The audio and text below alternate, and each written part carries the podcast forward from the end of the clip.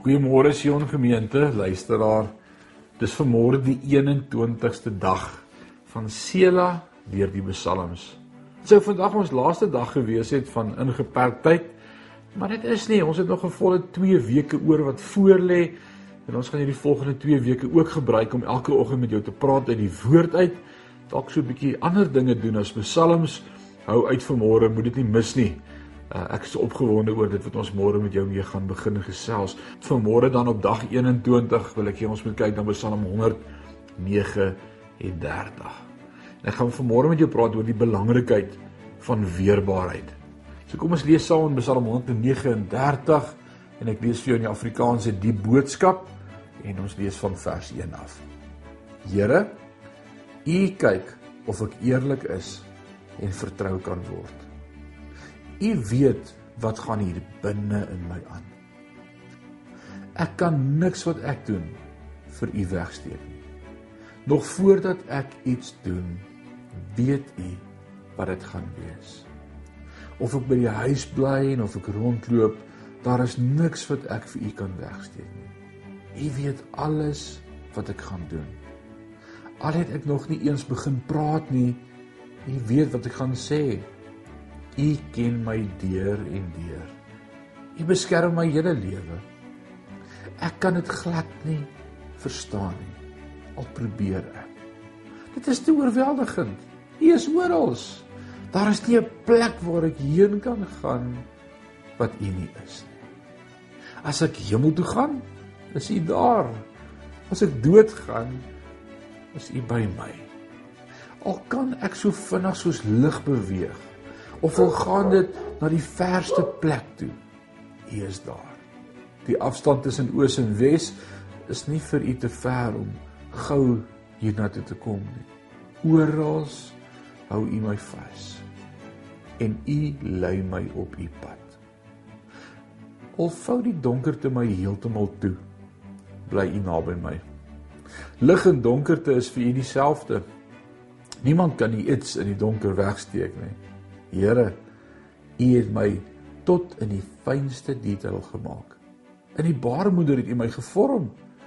Ek wil U prys omdat U so volmaak geskep het. U doen wonderlike werk. Ek weet dat U groot dinge kan doen. Daar is nie een been in my wat uit sy plek is nie. U ken my totaal. Alles is soos U dit wil hê. U het my gemaak toe ek groot geword het, het U vir my gesorg.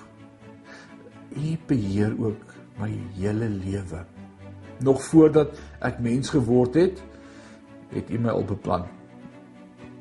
U het my lewe toe al in die hand gehad. En U het besluit wat met my sou gebeur. God, dit troos my om te weet dat alles in U hand is. Die gedagte daaraan is net te groot vir my om te verstaan. As ek dit probeer verstaan, besef ek my kop is te klein. En as ek klaar probeer dink het oor u, het dit nog steeds niks gedoen nie. God raak tog ontslaaf van mense wat weier om u te dien. Julle wat ander wil doodmaak, moet van my af weggaan. Here, diegene wat sulke lelike dinge doen is mense wat wat met u wil beklei. Ek wil niks met hulle te doen hê nie. Ek kan nie mense verdra wat nie na u wil luister nie. Mense wat teen u is, is ook nie my vriende nie. God, kyk of u my kan vertrou. Toets my gesindheid. Kyk of ek eerlik is. Help my op die regte pad. Hou my weg van al die verkeerde dinge. Ek wil vanmôre sê ons almal maak so. Ons deel goue glimlaggende foto met ons eggenote wel bewus van die argument wat eintlik nog nie afgehandel is nie, wat het 'n paar oomblikke tevore plaasgevind het. Ons spandeer soveel tyd om ons kos te fotografeer dat dit eintlik yskoud is teen die tyd wat ons moet begin eet. Almal is skuldig daaraan om slegs die beste weergawe van hulle self op sosiale media te wil plaas. Beide in wat ons wys en wat ons uitstraal.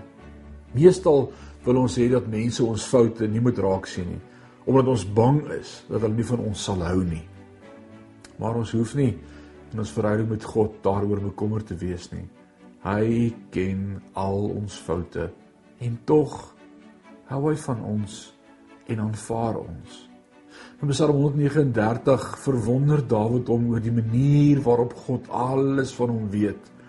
Aan die einde van die Psalm gebruik hy die geleentheid om eerlik te wees en vra God sy sonde sal openbaar. Sy hierdie woorde so bekend: "Deursoek my, o God, en ken my hart." toets my en ken my gedagtes en kyk of daar by my 'n weg is van smart lei my op die ewige weg.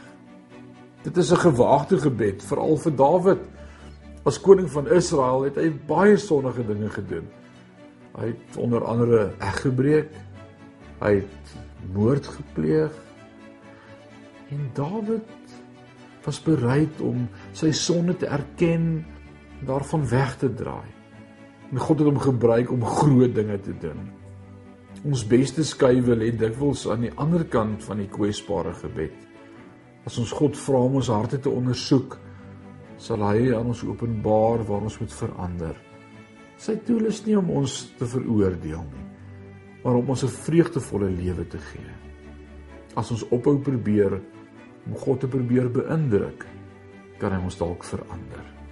As ons vanmôre oor hierdie Psalm reflekteer, wil ek vir jou 'n paar vrae vra. Die eerste een: Is jy geneig om ander se foute te sien of maklik uit te wys eerder as met jou eie foute? Hoe sou jou lewe verander as jy elke dag Psalm 139 vers 23 en 24 gebid het? Wat is sonde het God in jou lewe geopenbaar? En wat is die stap wat jy gaan neem om daaraan te werk?